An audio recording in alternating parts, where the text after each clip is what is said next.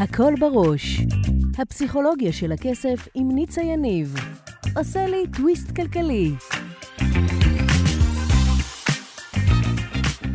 ברוכים הבאים לפרק נוסף בפודקאסט הפסיכולוגיה של הכסף עם ניצה יניב. גם היום אנחנו הולכים לעשות טוויסט בחשיבה, לדבר על מערכת היחסים שלנו עם כסף ועל חסמי כסף, וגם לגלות איך תת המודע שלנו מנהל אותנו ואיך ליצור הצלחה כלכלית. יישארו איתי, מיד מתחילים.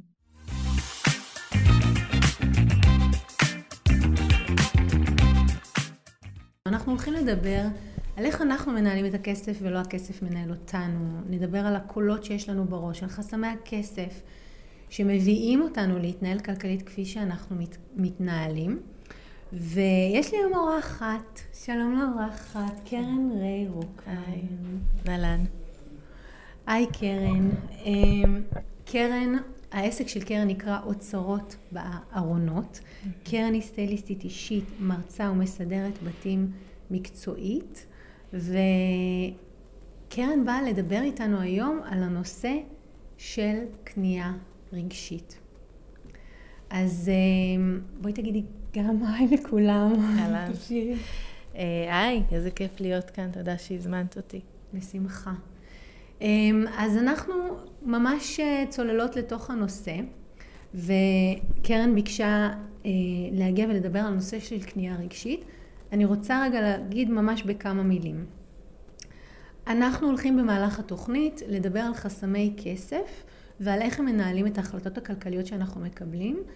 אני הולכת, אה, וקרן הולכת, בעצם לאפשר לכם הצצה למודע שלה וגם לתת מודע ובעיקר לסיפור שלה האישי, אה, סיפור הילדות, איך הדברים התגלגלו ואנחנו נעשה חיבור בין אה, הסיפור האישי שלה לחסמי הכסף. אני יכולה להגיד לכם שהנושא של קנייה רגשית הוא נושא שהמון אנשים, זה שני הנושאים, זה נושא אחד ואחד נושא של ירושות. אה, אנשים ממש פנו וביקשו מאיתנו לקיים תוכנית עליו ולדבר עליו יותר, כי הוא קיים. אה, אז בואי רגע נסביר בכלל מה זה קנייה רגשית. בואי תסבירי את בכמה מילים. כמו שאני רואה את זה היום, זה באמת אה, קנייה שהיא לא תמיד מושכלת, או רוב הזמן היא לא מושכלת. זו בדרך כלל תהיה קנייה שהיא אה, ספונטנית, קנייה שהיא לוחצת לי על איזה כפתור. אה, לא, הרבה פעמים זה בכלל לא אם... כל הקטע הזה של אני צריכה, אני לא צריכה, זה בכלל לא שם. זאת אומרת, כל הדיבור על אה, אני צריכה את הדבר, הוא בכלל לא, הוא לא נון אישיו, כאילו, אני יכולה שיהיה לי מאותו דבר ואני אמשיך לקנות את זה כל פעם, אה, עוד פעם ועוד פעם.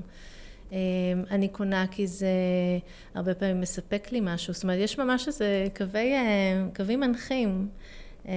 אני בדרך כלל באיזשהו מצב רגשי, הוא יכול להיות חיובי והוא יכול להיות, כאילו, על המנעד זה יכול להיות כל מיני. ואז אני מוצאת את עצמי קונה כי אני רוצה לפצות את עצמי, כי אני רוצה, זאת אומרת, יש כל מיני סיבות גם, זה יכול לשבת על כל מיני סיבות. אז... אבל זה קנייה בדרך כלל ספונטנית.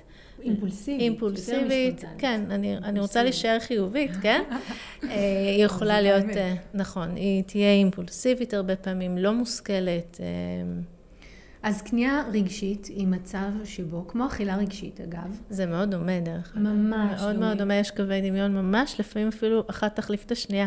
זאת אומרת, אני מפסיקה לקנות, אז אני אמשיך, אני אתחיל לאכול, זה קצת כמו עישון, סיג... כאילו עישון, זה מין משולש כזה נראה לי. ממש. עישון, אכילה וקניות. אז קנייה רגשית היא בעצם מצב שבו אנחנו, אה, כתוצאה מבור רגשי, או מצורך למלא את עצמנו, ולו גם רגעית, אנחנו מבצעים קנייה וקונים פריט. הפריט שנרכש לפעמים הוא יכול להיות, לא לפעמים, הוא בדרך כלל לא משהו שהוא בכלל נחוץ לנו, או באמת כורח המציאות, אבל עצם הקנייה מייצרת, אה, אני, אנשים אומרים לי, זה ממש במוח, זה בראש שלי, זה ממש מרגיע אותי, זה מייצר איזשהו סיפוק רגעי ומשכך איזשהו כאב עמוק. אני חייבת להגיד לך, אה, הייתי בקורס שבוע שעבר ואמרתי שאני השבוע אדבר על הנושא הזה, אז אחת המשתתפות אמרה לי, אני לא קוראת לזה קנייה רגשית, אני קוראת לזה לגהץ את הכרטיס, אני, וככה היא אמרה לי, היא אמרה לי, זה המשפט אצלנו בבית, עד שאני לא מגייסת את הכרטיס, אני לא נרגעת. רק כשאני מגייסת את הכרטיס, אני נרגעת עד לפעם הבאה שאני אגייס אותו. ממש ככה היא הגדירה את זה, וזה אגב מושג ששמעתי יותר מפעם אחת מאנשים ש... אה, שהנושא של קנייה רגשית הוא נושא שמנהל אותם, ואת גם אמרת, אה, הרבה פעמים, גם כשמטפלים בזה, זה קצת, אני אומרת שזה כמו בלון, דמיינו שיש לי בלון ואני לוחצת על הבלון פה, אז החלק הזה מתנפח כי האוויר בורח לשם, ואני לוחצת מפה, אז הרבה פעמים קנייה רגשית מחליפה אכילה רגשית, אכילה רגשית מחליפה קנייה רגשית, ויש שם איזושהי שיחה בין כל ה... אמ, אני קוראת להם משככים או מאלחשים שלרגע אחד עושים לנו שקט בראש. אני, אני יכולה להגיד משהו על זה? בטח. אני אגיד ש... אני מדברת כמובן מניסיוני, כאילו, זאת אומרת, זה ברור כן, ש... זה הנושא של השיחה שלנו. כן, נכון, אבל לא שיחה. זאת אומרת, זה לא רק כללי. אני היום עובדת גם עם אנשים, אז אני רואה גם איך זה משפיע עליהם, אבל אני יודעת ממני איך זה היה משפיע עליי. אז באמת בואי, נתחיל באמת בסיפור שלך. אז רגע לפני, רק להגיד שמבחינתי קניות לפעמים, או לפחות אה, בהגדרה, זה היה כמו סוג של סם. זה סוג של סם, זה זה, סוג של סם. אז לגמרי, אבל אני חושבת שלא מדברים את זה מספיק. יש המון, אה, המון אה, נגיד, אה, קבוצות להתמכרויות לסמים, לאלכוהול, אפילו לסקס נגיד, אבל לא מדברים קניות, וקניות זה דבר שיש לנו כמעט ביום-יום, כמה פעמים ביום אנחנו מוצאים את הכרטיס? זה כאילו משהו שהיא פעולה כמעט יומיומית, ממש. וזמינה. וזמינה, ו- ואפילו בלחיצת כפתור היום נורא קל היום, כאילו להשיג מלא מלא אני דברים. באמת לא מכירה קבוצות כאלה. אז לכן אני אומרת שאני חושבת שאחד הדברים שאני הבנתי זה שגם אם את רוצה להגיע לאיזושהי כתובת כדי לעזור לעצמך, את אה, נתקלת? ב... אה, אה, אין כתובת רשמית כזאת, זאת אומרת צריך לייצר את הכתובת הזאת. אני חושבת שחלק מהעניין זה שהבנתי שאני רוצה לשים את זה בפרונט. אז קודם כל, וואו על האומץ, ותודה שאת משתפת, כי. כמו שאמרתי לך, כל כך הרבה אנשים יש להם כזה. אגב, אני רק אגיד, גברים לא חושבים שהם עושים קניות אה, רגשיות. יש. שנייה, כן. אני אומרת, הם לא חושבים, כן. אבל כשאת שואלת אותם, אז הם קונים הרבה באי-ביי, באלי, ובכל הרשתות האחרות, אמזון, ופשוט כשיש להם הפוגה, או שקט, או רגע של שקט, או חוסר שקט, הם, הבריחה היא באמת לקנות משהו, ולחכות שהוא יגיע, ו... ובאמת לקבל אותו. אני רגע רוצה להגיד עוד משפט לפני שאנחנו נוסעות לסיפור. לצערי, הסכנה הכי גדולה בקנייה רגשית היא שהיום מה שהבנקים עושים, וגם החוץ-בנקאיים, הם הפכו את הלוואה למוצר, ובדיוק כמו שאת קונה באלי, אמזון, את נכנסת, את עושה כמה פעולות, ואת קונה, פשוט שלמוצר הזה קוראים הלוואה, וההלוואה הזאת מאפשרת לך לעשות עוד קניות. אז אני, ניצה, כמי שמתעסקת בפסיכולוגיה של הכסף, הסכנה הכי גדולה היום של אנשים שיש להם נטייה לקנייה רגשית, היא הפרסומת האינסופית לבואו תקנו הלוואה, אה, וזה מתחיל איזשהו לופ שקשה מאוד לצאת ממנו. נכון. אז ספרי לנו, איפה הכל התחיל? אה, אני לא יודעת לשים את האצבע מתי זה בדיוק התחיל, כי אני זוכרת את עצמי מאז ומתמיד תמיד קונה. קונה, אה, אני זוכרת שהייתי נגיד קצינה בצבא, אז הייתי נוסעת פעם בשבוע לאילת, ובדרך מה... אה, ירדתי בתחנת אוטובוס בתחנה המרכזית באילת, וליד היה חנות דיסקים, ואז גם המשכורת הייתה של קצינה. אין פעם שלא הייתי יוצאת עם כמה דיסקים. עכשיו שוב, זה, זה כאילו כבר נהיה איזה מין דפוס כזה של זה לא משנה, אני צריכה את ה... אני לא יודעת אם אני צריכה דווקא היום דיסק, אבל כן, הייתי יוצרת, נכנסת, קונה. אה, מאז ומתמיד, כאילו, יש לי איזה עניין של אה, קניינות. תמיד אמרתי, אני קניינית מאוד טובה. אה, גם כשלמדתי עיצוב, אמרתי, אני לא רוצה לעצב, אני רוצה להיות קניינית. את יודעת, אני רוצה רגע להגיד לך משהו על ההרגל הזה, כי בעצם דיברת על זה שייצרת שם איזשהו הרגל. יש אה, מחקרים שמראים שאם אדם מתחיל כל יום לעבוד בשמונה, ובשבע וחצי הוא עוצר באותה חנות קבועה לשתות את הקפה שלו, הגוף מתחיל לייצר צורך, וכל יום בשעה שבע וחצי, לצורך העניין ביום שישי או שבת, כשהוא לא עובר בנתיב הזה בדרך לעבודה, הגוף יתחיל לגלות סימנים של כמו קריז. כי בשבע וחצי, בטח אם הוא, הוא צריך לקבל את המנת קפה, זה אחד. ושתיים, עוד הם מצאו במחקר, שאם אותו אדם עובר בנתיב הזה, בלי קשר לזה שהוא נוסע לעבודה, בשלוש בצהריים, אוטומטית זה שהוא ראה את החנות הזו והוא עבר דרכה, הראש יתחיל לשדר לו איפה הקפה, איפה הקפה, איפה הקפה. כמו הטי טיים, כן. כמו בשעה ארבע בדיוק, טי טיים, וגם בבתים אה, אומרים תגמור את האוכל, יהיה ממתק. ואז הילד אוכל בשביל הממתק ונוצרה שם התניה. אצלי זה היה התניות עם משהו אחר למשל. אני בגלל שכל יום נגיד, אה, אפילו בנסיעות, כל פעם הייתי בנסיעות אחרות, אז נגיד, אה, אני אגיד את זה פה, אבל כל פעם שהיה מקום של שירותים, באופן קבוע הייתה התניה. אם יש לי שירותים פה, אז עכשיו אני יורדת עוצרת, לא משנה, אני צריכה לא צריכה, אני בודקת, כאילו, כי, כי זה עכשיו כאילו במסגרת המיקום שיש עכשיו. אולי עוד שעה זה לא יקרה, זאת אומרת, עוד שעה לא תהיה לי את האופציה, אז אני עכשיו. זה נהיה גם מן התניה כזו, אני חושבת שזה כמו איזה חיווט במוח. ממש, זה חיווט במוח, זה חיווט. אז אני, נגיד אם אני שומעת את המחקר הזה, וזה משהו שאני לא מכירה כל כך, אבל אני אומרת, אה, אז איך את עושה את, ה, את ההפוך של זה, או איך את, איך את אה, מבטלת במרכאות ההנחיה. אה, מלכתחילה את לא יוצרת הרגלים כאלה. נכון, אבל נגיד שכבר היה לך אותם, זאת אומרת כבר הם בבעלותך, אז איך את מנטרלת אותם? את עוברת את השלב של הקריז, ואת בעקביות לאורך תקופה לא עושה את זה, וזה קשה. או שאת שוברת את, ה, את הרצף, את הסיקוונס, על ידי זה שבאותו יום את שותה את הקפה ב-12, או ב-7 כן. ובמקום אחר. כן. אבל להגיד לך שאין שם אה, סוג של התנקות ו, וימים שיהיה בהם אה, עצבנות מוגברת? בהחלט כן. יש, אה, אני היום מנהלת את זה הרבה הרבה יותר טוב,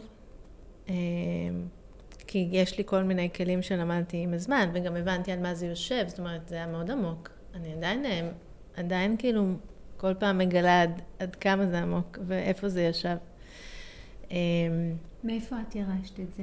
תספרי לנו. אני לא יודעת מאיפה ירשתי את זה, כי אם אני נגיד צריכה להסתכל, ואני לא, אני כאילו רוצה לעשות את זה מאוד ככה כללי, אמ, אז בבית ראיתי שתי דוגמאות של, של צד אחד שהיה מאוד נדיב, ו, ואפילו, כמו שאמרנו, בזבזן, פזרן, כאילו, וזה נדיבות, אני רואה את זה היום כנדיבות ולארג'יות, ו, ולעשות שיהיה לכולם.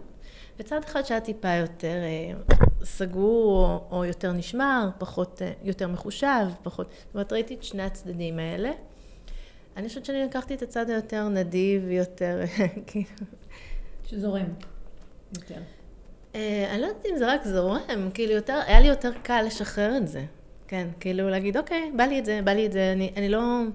לא היה לי את הצד היותר מחושב, הסחלטן, רגע, אני צריכה, אני לא צריכה... והיה איזשהו שיפוט בבית? בטח. או שיח על אלה שהם מחזיקים, שומרים, לא מבזבזים? אני זוכרת שסבא וסבתא שלי היו כאלה, סבא שלי נגיד שהיינו באים אליהם, אז uh, היה דיון אם צריך לפתוח את המזגן או לא אחר הצהריים. אז אוקיי. נגיד סבתא שלי הייתה מגישה לנו uh, תה חם, ואז... uh, הם היו אומרים, את תשתי את התה חם, אז אחר כך יש בריזה, אז יהיה קר, כאילו כזה. מין, אה, טוב, זה גלותי קצת, אבל זה כאילו זה מה שהם ידעו, הם לא... מצד שני היה להם, הם הצליחו לעשות. כי הם שמרו כאילו שקל לשקל לשקל, מצד שני, נגיד סבתא שלי, היינו באים אליה, נגיד, אם הייתי רוצה משהו מהארון שלה, אפילו שלה, היא לא הייתה אומרת לי, לא, זה שלי או משהו כזה, היא הייתה אומרת, תקחי, תקחי, תקחי, כאילו בכיף, מין לארג'יות כזאתי, אבל אני חושבת שהיא גם ידעה לנהל כסף. היא הייתה המוח מאחורי ה... זאת אומרת, היא ניהלה את הכל, אבל זה היה במין הסתר כזה. אם הייתי מקבלת כסף, זה תמיד היה באיזה דחיפת אה, שטר לתוך הכיס. דיברת על זה בעבר בתוכנית, וזה מאוד מאוד, לא זה ממש, אה, יש לי את זה, יש לי זיכרונות כאלה, או שהייתה הולכת לעשן סיגריה, זה היה בשקט, כאילו שאף אחד לא ידע, כזה. שהיא כאילו, מעשנת. כן, זה, אי אפשר לא לדעת שאתה מעשן, בואי. כן. אבל כזה היה בחשש, בהחששה. שממה לדעתך היא חששה? אני חושבת שהיא חששה מהתגובות, מהתגובות של סבא שלי, מהתגובות ש...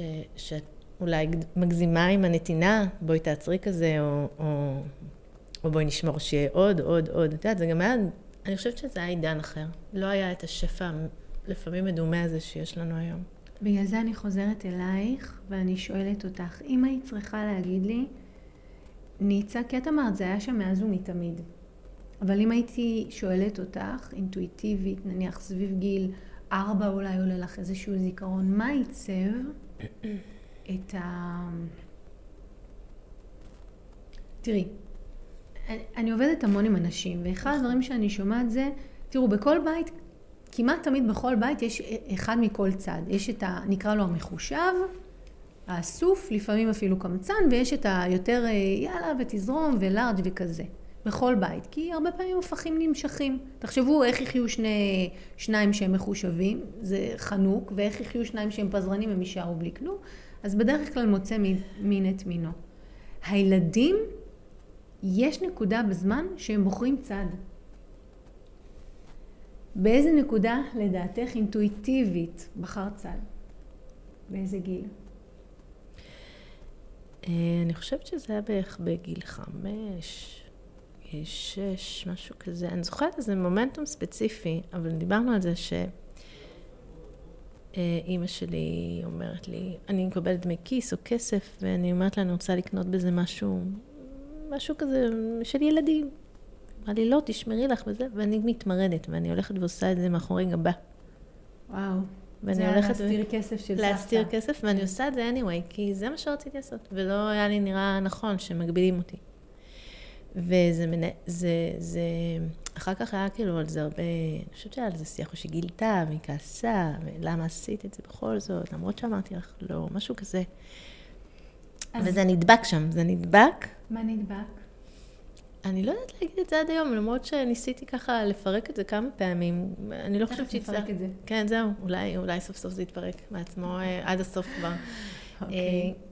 כי זה, זה כל הזמן נוכח, על אף שעוד פעם, אני אומרת, היום אני מנהלת את זה הרבה יותר טוב, הרבה יותר שקולה וזה, אבל עדיין אה, במציאות אה, יש כל מיני הדהודים לזה. רגע, אז בואי נחזור. אז נחזור אחורה. אז אני רגע, רגע, אני פותחת את הסטינג קצת יותר. כן. אז יש לנו שם ילדה שמקבלת כסף מאימא, שגם אומרת לה, תשמרי עליו. נכון. והיא מרגישה שבאיזשהו אופן, דרך הכסף, מגבילים. מגבילים אותה. נכון. והיא לא מוכנה שאף אחד יגביל אותה. בשום מצב, מצד שני היא גם לא רוצה להתעמת מול אימא, אז היא עושה את זה בהסתר. למה היא עושה את זה בהסתר?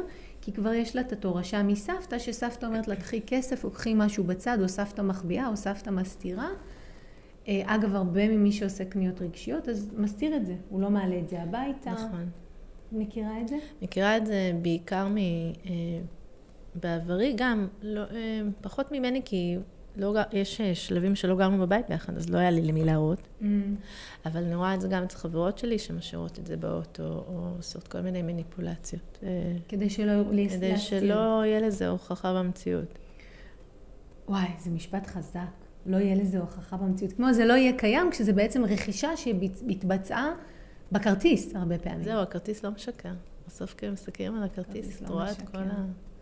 את רואה את כל החיובים. כל החיובים, לגמרי. אז אני רגע חוזרת למה קרה שם באותה סיטואציה, אנחנו רגע מפרקות את זה. Mm-hmm. בעצם, כבר מבית, וזה בהמון בתים בישראל יש, כש, כשההורים, כשסבא וסבתא דחפו לנו את הכסף בחווה ואמרו לנו תסתירי, תסתירי, שההוא לא יראה והיא לא תראה, הם יוצרים לנו חיבור וחיווט במוח בין הסתרה לכסף. נכון. זאת אומרת, כסף זה משהו שצריך להסתיר, לא מדברים עליו, לא אומרים אותו, זה אחד. זה כבר היה לך כשנכנסת לסיטואציה הזו. דבר, את רוצה להגיד משהו? לא, לא, לא. דבר שני שהיה שם, זה בעצם שאת מרגישה שאימא מנסה להגביל אותך. ושם מתחילה איזושהי מרידה. כן, אני מרגישה שזה התמרדות. כאילו, אני מבינה שדרך זה אני יכולה להתמרד. אחר כך עשיתי איזה אינטרפטציות אחרות. אחר כך ראיתי שזה עובד בדרכים אחרות. אז רגע, אני רגע רוצה להגיד על כן. זה. אני יודעת להגיד לך, כשאני עובדת עם אנשים, שמי שקרתה לו סיטואציה דומה לזו, קרי, שהוא הרגיש שההורים הגבילו לו את החופש דרך כסף, כשהוא מתבגר, הבנק הופך להיות הדמות הסמכותית שמגבילה אותו מבחינת כמה חופש יש לו. זה מפתיע שאת אומרת את זה, כי גם בגיל 16 כבר היה לי עניינים עם הבנק שלי, רק כשפתחתי אחרי איזה שנתיים. היה לי איזה עניין עם מישהי מה, מהצוות שהייתי בו, שהיא רצתה כאילו כנראה ליישר אותי, כאילו, כי אני מגיל מאוד צעיר הייתי במינוס, זאת אומרת, לא, לא... וואו. והיה לה תלונות על זה שאני לא, לא, לא, לא בפלוס או משהו כזה, אבל אמרתי, אבל אני משלמת, אני זוכרת שאמרתי את זה בגיל 18, אבל אני משלמת ריבית על המינוס הזה. איך לך זה צריך להפריע? את אמורה כאילו... בסוף העבירו אותי לצוות אחר שהמנהל ישירות היה, זאת אומרת, כבר אז הייתי מתמרד, כאילו היה איזה משהו מתמרד, מתמרד. כזה. אז, אז רגע נסתכל על זה, אני רוצה להס, להסביר את זה בכמה מילים למאזינים. בעצם, כשילד מתבגר, אין לו כבר דמות סמכותית שיכולה לנהל אותו כלכלית. מרגע שהוא עומד על דעתו והוא מרוויח כסף, אז מה שהוא עושה, הוא מעתיק, הוא משכפל את מה שקרה בילדות מול ההורה, שמה פתאום ההורה יחליט עליי, ומה פתאום ההורה יקבע עליי, ואני רוצה חופש, ואף אחד לא יגביל אותי. וואי, זה ממש אני שומעת מלקוחות. והוא פשוט מנהל את אותה מערכת יחסים מול הבנק. לפעמים זה הטלר שמתקשר אליו ואומר לו, אבל אדוני חרגת מהמסגרת, ולפעמים זה הבנק כקונספט. שמה פתאום הבנק יגביל אותי? אני, תראי, אנשים אומרים לי, אני אלך ואני אשיג מסגרת יותר גדולה, ואני אשן טוב בלילה. הבנק צריך לדאוג. עכשיו, הבנק לא דואג. הבנק מקבל את הריבית שלו, כמו שאמר. אבל עבור אותו אדם התחושה היא שהוא פרץ את המוסכמות, יש לו חופש, הוא מורד כנגד הניסיון להגביל אותו, והוא מחליט על עצמו. ואת אומרת עד לכאן. אמ, אני אומרת שאני אה, יכולה מאוד להזדהות עם זה. אני לא, אני לא ישנה טוב בלילה כשאני בחוב, כאילו זה לא זה. לא זה. יש לי אחריות גדולה, כן, יש לי אחריות גדולה שם. אמ, וכאילו, זה, זה היה התפתחות דרך זה, זאת אומרת, אני חושבת שזה, אני תמיד אומרת שזה מסע חיים, כסף, שזה למידה מאוד מאוד גדולה שם, באמת כאילו. ואני אגיד עוד משהו, אני אגיד שהחלק המעניין בסיפור שלך היה שטיווחת לי אותו, סיפרת אותו לי למאזינים ואמרת שכשהיא פנתה אלייך והיא ממקום דואג אמרה לך אבל את חורגת, את חורגת ואת באובר, אמרת לה אבל כמו, אבל על מה את מתלוננת? את מרוויחה מזה. והיא כמובן לא באה מהמקום הזה. אה, כן, למרות שזה נאמר מאוד באגרסיביות כזאת, זה יכול להיות שזה הטון וה... כן, זה היה כזה, זה לא היה... מאוד גם. זה עוד יותר, כן, זה כאילו עוד יותר הכניס אותי לאיזה פינה, אבל אה, היום בדיעבד אני מבינה שכנראה הייתה לה כוונה טובה, היא פשוט יצאה קצת עקום, אבל הייתה לה כוונה טובה. אה, אז מה את אומרת בעצם? שאם מישהו בא להגביל אותי, אז יכול להיות שיש בזה כוונה טובה? אני לא חושבת שהגבלה היא טובה, אני חושבת שעצם הרצון כאילו לשנות את המצב, או, או כאילו לשים עליה כזה דגל, היי, תסתכלי, הנה המצב, בואי תראי איך אפשר לעבוד עליו, כאילו זה האכפתיות, זה המקום של האכפתיות, אבל אני לא בטוחה שהדרך בהגבלה היא דווקא, עליי זה לא עובד, אני כנראה, הגבלה היא, היא, היא מצמצמת בעיניי. אז רגע, אז בואי נפתח את זה. שזה סוג של אמונה אולי. זה גם אמונה מגבילה, אבל זה הנושא של השיחה שלנו. נכון, את שמה לב שאנחנו... לא, אני נוגעת בדבר עצמו, זהו, הגענו. אני צריכה לנשום, אני צריכה לנשום. תנשמי, אז בואי נדבר על זה. אוקיי. אז בעצם, אני רוצה לשאול אותך קודם שאלה, שאני לא בטוחה שתהיה לך תשובה כאן ועכשיו. אוקיי. מה ההבדל בין הגבלה למשמעת עצמית? במשמעת עצמית אני חושבת שיש בחירה. אבל יש בה הגבלה, תסכימי איתי. אה, היא הגבלה מבחירה. הגבלה מבחירה, אוקיי. נכון. אז יש בה בחירה.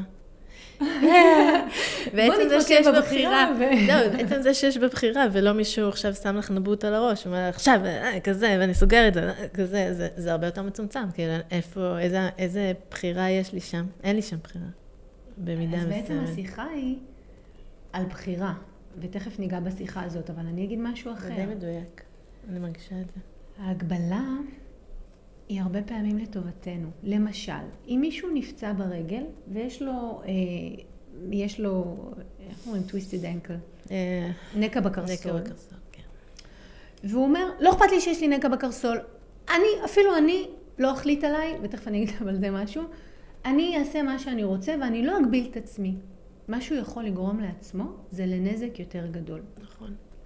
אני רוצה להגיד לך משהו שזה אחרי 20 שנה של טיפול באנשים, במיוחד בעולם הזה של כספים. מי שלא מוכן שאף אחד יגביל אותו, אני אחזור למשפט הזה כי הוא מאוד עמוק ומאוד חשוב, גם הוא עצמו לא יכול להגביל את עצמו. אני אחזור על זה במילים אחרות. כשמישהו אומר לעצמו, מה פתאום שהיא תגביל אותי? אני לא מוכנה שאף אחד יגביל אותי. הוא מתכנת ומכוות את תת המודע שלו, שאפילו הוא עצמו לא יכול להגביל אותו, ואז גם במקומות, לפי חיוך שלך אני מבינה שדרכתי על משהו, גם במקומות שהוא רוצה להגביל את עצמו מטעמים של משמעת עצמית, מטעמים של יעדים שהוא שם לעצמו והוא רוצה להגיע אליהם, הוא לא יצליח לעמוד בזה, ואני אגיד לך משהו מאוד כואב שקורה בעקבות זה. הוא לא יצליח לשים לעצמו גבול, כי אף אחד לא יגביל אותו, כולל לא הוא עצמו, אבל הוא לא ער לזה כשהוא אומר את זה, ואז הוא כבר לא יוכל לסמוך על עצמו, שכשהוא אומר לעצמו משהו, למשל, אני לא אוכל אחרי שמונה בערב, או אני לא אבזבז סכומים מעל אה, כזה, הוא לא יכול לסמוך על עצמו שהוא יעמוד במילה שלו, ומשם מתחילה ספירלה רעה. אומרת לך, שאותו אדם, מהמקום של אני לא, לא אתן שיחליטו עליי, אני לא אתן שיגבילו אותי, אף אחד לא יכול להחליט עליי, כולל לא אני עצמי, את זה הוא לא מבין.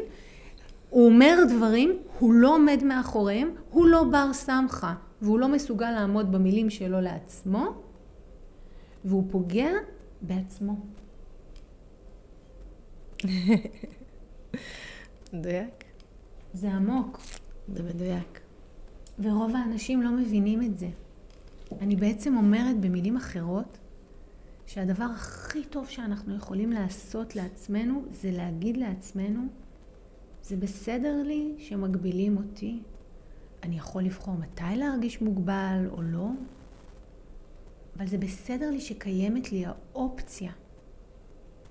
כי הגבלה היא לא תמיד לרעתנו. זה פעם ראשונה שאני שומעת את זה ככה. את יודעת? אני מניחה שאני אומרת עכשיו תודה. אני, אני כן, באמת. הגבלה היא לטובתנו, כי הגבלה מאפשרת לנו לבחור. עכשיו אני הולכת... ההגבלה מאפשרת לנו לבחור? איך, כן. איך ההגבלה מאפשרת לנו לבחור? הנה, אני מסבירה לך, וזה יהיה mind blowing. אוקיי. אם את לעולם לא מוכנה להיות מוגבלת כברירת מחדל, מה שיקרה יהיה שזו ברירת המחדל שלך, והיא בדיוק אותה ברירת מחדל כמו תמיד להיות מוגבלת. עוד פעם. כן, זה עמוק. בין אם אני לא מוכנה אף פעם להיות מוגבלת, או אני תמיד מוגבלת, פה אין לי בחירה, ופה אין לי בחירה. כשאת בחרת שאף אחד בחיים לא יגביל אותך, את עדיין נמצאת באין בחירה. זאת אומרת שהנושא שהגענו לדבר עליו, הוא לא באמת הגבלה או כסף, אלא אני יש לי את החופש להחליט עליי, עדיין את נמצאת באותו לופ, פשוט את לא נמצאת בלופ המוגבל, את נמצאת בלופ הלעולם לא מוגבל. אבל פה אין לך בחירה, ופה אין לך בחירה. וזה מרגיש אותו דבר. רגע, אבל אני רוצה שתגידי את זה במילים שלך, גם כדי שתפנימי, תטמיעי, תעבדי, וגם כדי שהם יבינו.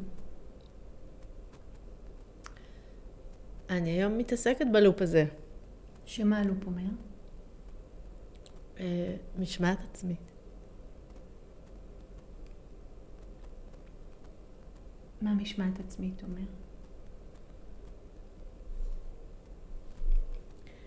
אה, להיות בר סמכה באמת, להגיד את הדברים שאתה מתכוון אליהם ובאמת לעמוד מאחוריהם.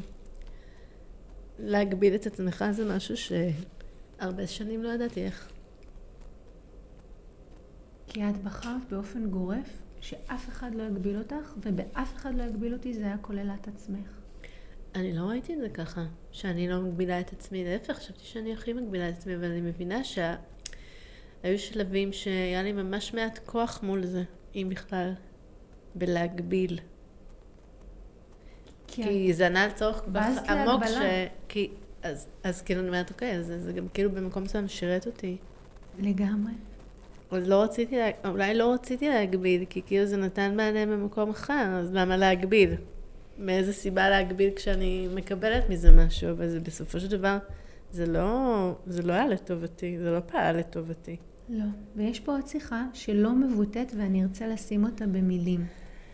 אנחנו כל הזמן משתמשות במילה הגבלה, אבל כתחליף למילה צמצום. נכון, כי קשה לי עם המילה הזאת מאוד. נכון, אבל אני רגע רוצה לדבר על המילה הזו כי היא חשובה ממש. תראי, למדינת ישראל יש גבולות, וטוב שיש לה גבולות. ואנשים שלא מכבדים גבולות, גבולות זה הגבלה, כן? אני לא יכולה לעבור לכל מדינה בלי לדווח, בלי להחתים דרכון. למרות שזה עובד טוב באירופה. נכון, לא יודעת, לא בטוחה, אבל נגיד, זה יוצר גם הרבה אתגרים. אוקיי. הגבולות, המטרה שלהם היא לשמור עלינו. ומה ש... את חווית את המילה הגבלה כצמצום, ואז אמרת, אף אחד לא יצמצם אותי, אני רוצה להיות מי שאני רוצה להיות, ואני בעצם אומרת את המשפט הבא, מדינה שמסוגלת לשמור על הגבולות שלה, ואין לה מנהרות תת-קרקעיות, ואין לה אה, כל מיני פליטים שמגיעים ממדינות אחרות וחוצים את הגבול, היא מדינה משגשגת. זאת אומרת שאנחנו אומרות פה הפוך על הפוך, איפה שיש גבולות או מגבלות ומכבדים אותם. יש שגשוג. זה... אני לוקחת אותך עוד כן, צידה. כן, לגמרי. תראי, פעם הייתי דיילת אוויר, אז מבחינתי חלק מהעניין היה שבכל יום נתון אני יכולה להיות במקום אחר, בזמן אחר, מזג אוויר אחר. זה מאוד מתקשר לי, כאילו, ונהניתי מזה מאוד. זה מאוד מתקשר לזה ש... אמ, לא היו, כן היו גבולות. כן, זה לימיטלס, ללא גבולות, זה- אף אחד לא יגביל אותי. זה גם המדינה. כן, כאילו... גם אני לא מגבילה את עצמי, אני עכשיו מבינה את זה, גם אני לא באמת הגבלתי את עצמי. היו דברים שהם היו מבחינתי קו אדום, כן? שכאילו, את זה אני לא, זה לא. אבל בתחושה זה היה כזה מאוד פלואידי, פלואידי. אני רוצה לעשות לך עוד חיבור. את מסדרת בתים. נכון. זאת אומרת שאת מנקה את המרחב התחום, שהוא מאוד מוגבל, נכון, למרות שלפעמים... לא מבפנים. כן, כן, הרבה פעמים גדולים, כן. ועדיין, את עובדת על הבפנים, את לא שוברת לגמרי, קירות, לגמרי, ואת- רק על התכולה. זאת אומרת שאת עובדת על המרחב התחום והמוגדר שהוא מוגבל. נכון. המקום מוגבל, בסופו של דבר המקום מוגבל, אפילו ברמת הארונות במטבח, נכון, או אני צריכה נכון. לעשות רה-ארגון. נכון. זאת אומרת שאת כל הזמן, כל יום, מתמודדת. את מגיעה לבית ואת אומרת להם, אוקיי, אולי לכם נראה שיש לכם מגבלות, אבל לא, אין לכם מגבלות, אנחנו פשוט יכולים לעשות רה-ארגון פנימי, ותרגישו יותר חופשיים, וזה יהיה לכם יותר מדויק, ואולי ניפטר מחלק מהדברים, ותרגישו את החופש, או את התחושת ההתרוממות שאתם רוצים, ולא תרגישו מצטמצמים ושזה דחוק. זה הפך להיות העיסוק שלך. אני אגיד יותר מזה, גם להיות סטייליסטית ולדבר עם נשים על זה שהן צריכות להפסיק לקנות ולהשתמש במה שכבר יש ברשותן ולעשות את זה פשוט ולנצל את זה הרבה יותר טוב, זה לגמרי הריפוי שלי. לגמרי. העיסוק שלי הוא לגמרי הריפוי שלי, אבל זה גם עושה לי הרבה רעש, כי אני גם כל הזמן מול חפצים ומול פריטים ומול דברים, וכאילו כל הזמן אני נבחנת על זה. אה, כמעט על בסיס יומיומי, אני כל הזמן צריכה למצוא את המקומות האלה של להביא את הכוחות נפש ולהראות לעצמי הגבלות. ושם הרבה פעמים זה, זה מאתגר לי. זה מאתגר לי, כי אני כל הזמן בוחנת את עצמי, אבל ממקום שהוא לא מקום חזק לי. זה, זה נותן לי גם המון סיפוק שאני רואה שזה עושה אפקט לאחרים, ואני מצליחה לעזור לאנשים במקומות שגם לי לא פשוט. אבל זה גם האתגר האישי שלי. כאילו, איך אני מייצרת את זה ממקום שבאמת נשאר הרבה יותר נקי מול זה. את זה אני לא צריכה גם אליי, למרות שזה יכול להיות מהמם, מקסים, מדהים. זה... ויש תחלופה מאוד גדולה. וגם העיסוק, וגם העיסוק הזה שלה, יש שם עוד הרבה רבדים. העיסוק הוא באמת, אה, הוא, הוא היום, אני מבינה כמה הוא הרבה יותר מדויק לי, אבל גם שמה יש שם עוד כאילו. אלמנטים. מה? יש שם התמודדויות. כן. תראי, סדר הוא במילה אחרת שליטה. ומי שיש לו צורך לקנות, וזה לא נשלט, ברור שבזה שהוא מסדר את החפצים מחדש, והוא מנהל את זה, במקום שזה ינהל אותו, הוא נכון. מייצר חוויית שליטה. אני כל הזמן אומרת ללקוחות שלי, במקום שהם ינהלו אתכם, בואו ננהל את זה אנחנו. מדהים. באמת, אני מרגישה שזה באמת כזה. כי אחרת זה יוצא מכלל שליטה. אז אני רגע רוצה לחזור להגבלה ולבחירה. מה את מבינה עד עכשיו ממה שדיברנו? האם כשאני פוגשת את uh, קרן הילדה באותה סיטואציה עם אימא שלה, ואימא שלה אומרת לה, קרן, תשמרי על הכסף, אל תוציאי אותו. היום, במקום שאת נמצאת, מה היית אומרת לה לאותה ילדה? אני חושבת שזה נכון. אומרת לה שזה באמת נכון, שכדאי לשמור על הכסף. שזה משהו ממש רגעי. כאילו, זה ענה לאיזה צורך מאוד רגעי, אבל אם... שכאילו במידה מסוימת אפילו היא שומרת עליי ככה, מנסה לשמור עליי ככה. באמת צלח. אני הייתי מוסיפה ואומרת לה, שבין אם מגבילים אותה בכסף או לא, אף אחד לא באמת מחליט עליה או שולל הבחירה. גם אם זה נראה באותו רגע כן. ככה, את יודעת, היום אה, בכלים שיש לי, אני יכולה להסתכל על זה ממרום שנותיי ולומר את זה, אבל אז אני חושבת שיהיו לי כלים אחרים לבחון את זה. כן. ומה היית אומרת? מה הילדה הזאת הייתה עונה לך? אם היית אומרת לה את זה. היא בטח הייתה רוצה להתמרד, היא הייתה מנסה להגיד, לא, אבל אני רוצה את זה, וזה חשוב לי, וזה... זאת אומרת, הייתה מנסה לשכנע אותי למה זה חשוב.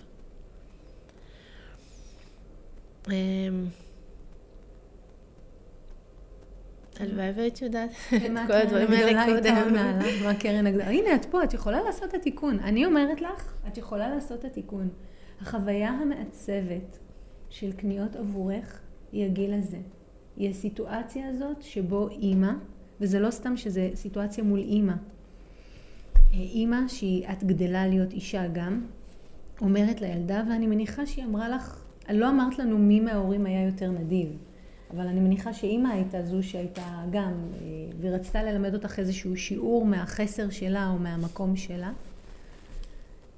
אה, זו הייתה סיטואציה מעצבת עבורך, והיא עיצבה את ההתנהלות הכלכלית שלך עד היום. זה נכון. זה עבר כמובן עיבודים ועוד אה, שינויים, ו... אבל זה היה השער.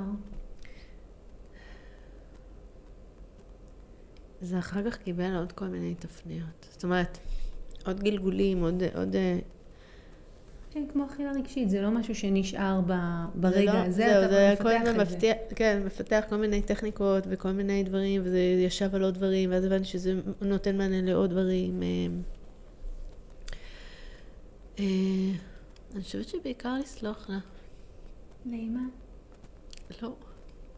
הילדה, לסלוח לה על מה? לסלוח לה על כל ההתנהלויות שלה.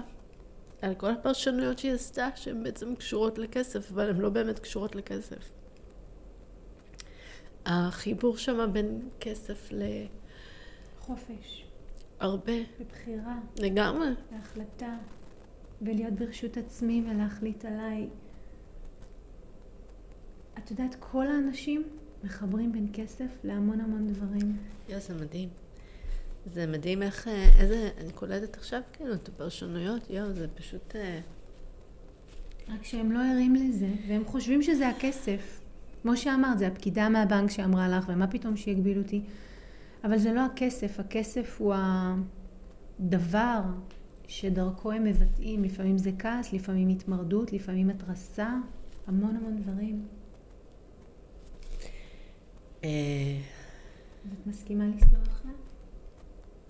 כן, אני עושה את התהליך הזה עכשיו. בכמה רמות. ולאהוב אותה? מלא מלא מלא. כן. ואני אשאל עוד שאלה. בבקשה. מסכימה להגביל את עצמך? אני מגבילה את עצמי עכשיו, אז זה מקום ממש חדש. אבל את יכולה ליהנות מזה? עוד לא. אז את מסכימה היום שאני אעזור לך עם זה? כן? אני רוצה ללמוד, זאת אומרת, אני רוצה לנהל את ההגבלה טוב יותר. מסכימה לקבל שההגבלה, אם בחרנו בה והיא לטובתנו, היא לטובתנו? כן, אני עוד, אה, לא, אני עוד לא חברה שלה, כאילו אני עוד אה, מתנגדת לה. מסתכלת עליה ו... לא, אני עוד מתנגדת לה, כאילו אני מבינה בהיגיון שלי שזה חשוב להגביל כדי גם להשיג תוצאות אחרות, ואני רוצה את התוצאות האלה, כי סך הכל זה מרגיש לי מוגבל. אבל זה מוגבל לא מבחירה. ואני רוצה שתהיה לי את ההגבלה מבחירה. את יודעת, אני רוצה להגיד רגע משהו על עולמות האוכל. אם מישהו אוכל בלי גבול, בלילה, ביום, בכל שעה, כל כמות שהוא רוצה, סופו שהוא יהיה אוביס. וכשהוא יהיה אוביס, הוא יהיה מוגבל. הוא לא יוכל לרכוס שרוכים כשהוא מתכופף לנעליים, והוא לא יוכל להתעמל כמו שהוא רוצה, והוא לא יוכל לקנות את הבגדים שהוא רוצה. על אוכל מאוד פשוט להבין שאם אני לא מגבילה את עצמי, אז לכאורה החוסר ההגבלה בסופו של דבר מתכנס ליותר הגבלה. ואני אגיד אותו דבר על כסף. שאם אני לא מגבילה את עצמי במובן הכלכלי הכספי, לאורך זמן ההתנהגות הזאת או ההתנהלות הזאת תביא אותי למצב שאני יכולה להיות או במצב שאין לי גישה לחשבון בנק, או שסגרו לי את החשבון בנק ואני עובדת דרך בנק הדואר, אני רואה כל מיני דברים, פשיטת רגל, אני מלווה אנשים, אני רואה הכל.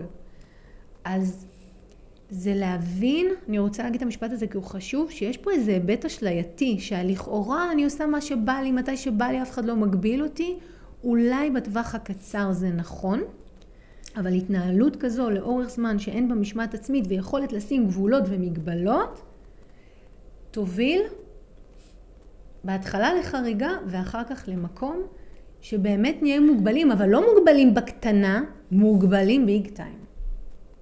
ומי שממילא שונא להיות מוגבל, ניצב מול הדבר שהוא הכי שנא ever. Mm-hmm.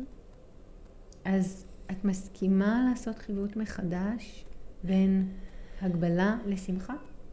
כן. יופי. אם אנחנו לא מגבילים את עצמנו, בכלל זה אולי מרגיש חופש, אבל זאת אשליה. משפט חזק. אז מה את לוקחת מהיום? אני קצת בהלם. אוקיי.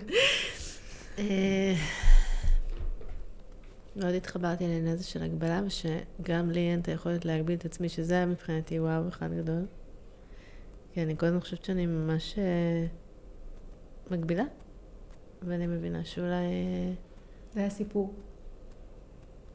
את עושה את הפעולות הנכונות, אבל בפנים עדיין ההתנגדות קיימת. אני כאילו לומדת איך לשחרר את ההתנגדות. זאת אומרת, הסיפור אולי להבין, אני כבר עושה את הפעולות הנכונות, זה נכון, אבל יש שם עדיין התנגדות להגבלה, ואז הסיפור עכשיו הוא איך אני מוותרת על ההתנגדות להגבלה ומאמצת הגבלה כמשהו שהוא חיוני לי כרגע. לא רק חיוני, שהוא יכול להיות לטובתך. אני ממש אומרת את זה. מי ששבר יד, כדאי שהוא לא יעשה כל מיני פעולות. ההגבלה רק תעזור לו להחלים מהר יותר. כל הזמן תשתמשי בדוגמה הזאת. זו דוגמה מאוד חזקה, תשדרי אותה לתת מודע שלך. אז uh, אני, יש מקומות שבהם אני אומרת פשוט, זה חדש לי נגיד להגביל את עצמי. פתאום אני אומרת, לא, עכשיו את מחכה. לא, אני רוצה mm-hmm. משהו ואני, לא, ותחיית סיפוקים דרך אגב, זה קשור מאוד לעניין. לגמרי. אנחנו, ברגע שאנחנו אה, קונים, אז אנחנו לא דוחים סיפוק. אנחנו נכון, בדרך כלל עושים את זה באותו רגע. כן, לא נגענו בזה, אבל זה נושא נכון, בפני עצמו. נכון, אז אני חושבת שזה... אז מסכימה לך לחוות את מגבלה כמשהו שהוא לטובתך? כן. נהדר. אז אה, קרן, אני רוצה להודות לך mm-hmm. על ה... על פתיחות הלב, תודה. על השיתוף. תודה. זה נושא חשוב בצורה בלתי רגילה. והמון אנשים יש להם מה להגיד על זה, עוד המון נכון. המון מה להגיד על זה. המון, המון, המון מה להגיד על זה, אבל זה ככה, זה איזושהי נגיעה ששמנו רגל, דריסת רגל במקום הזה. Mm-hmm. אלה מכם שהקשיבו, התחברו, אה, מוזמנים לכתוב לקרן, לדבר איתי, לשתף מה פגש אתכם, מה שמעתם שם. אה, קרן, מי שרוצה לעקוב אחרייך, פייסבוק, אינסטגרם, איך הוא מוצא אותך? גם וגם, פייסבוק וגם באינסטגרם, פייסבוק שלי זה קרן רוקמן styling, אה, גם אם נעשה הוצאות בארונות, גם יעלה. אני אשים גם קישור לטובת מי שרוצה להמשיך ולעקוב אחרייך. אה, היום הייתה הזדמנות נוספת לראות איך חוויות מעצבות, לא סתם אני אומרת הורשה כלכלית וגנטיקה פיננסית, חוויות מעצבות מהילדות שלנו, מגדירות ומנהלות את ההתנהלות הכלכלית שלנו כבוגרים. Mm-hmm. זה לעולם קורה, כי כסף הוא הרבה יותר מכסף. אנחנו מייחסים לו כל מיני איכויות כמו חופש, ביטחון, יציבות, ואז אנחנו לוקחים את הכסף ודרכו עוברים כל מיני שיעורים בחיים. והיום את אפשרת לנו הצצה באמת נדירה אה, לתוך המקום הזה של מה קורה כשמישהו מנסה להגביל אותי ואיך אני אה, עובר תהליך ומשנה את הסיפור הפנימי, מסיפור שאומר כשמגבילים אותי אז אין לי חופש, לסיפור פנימי שאומר ואולי כשאני בוחר בזה, מגבלה יכולה להיות משהו שהוא לטובתי. שם אני עכשיו. מהמם. אז אה, אלה מכם שעוד לא עוקבים אחריי בפייסבוק, באינסטגרם, ביוטיוב, בטיק טוק, אני מופיעה תחת הפסיכולוגיה של הכסף, בפייסבוק יש קבוצה, אתם מוזמנים להצטרף, להמשיך ולקבל תכנים, מי שרוצה להמשיך ולהעמיק מוזמן לעשות את זה בקורס הפסיכולוגיה של הכסף, אה, קורס שאני מובילה. קרן, תודה רבה שהיית כאן היום. תודה, תודה על, ה... על האפשרות הזאת להציץ לשם, וכמו תמיד, תודה לכל מי שהיה איתנו. תהיו טובים עם עצמכם.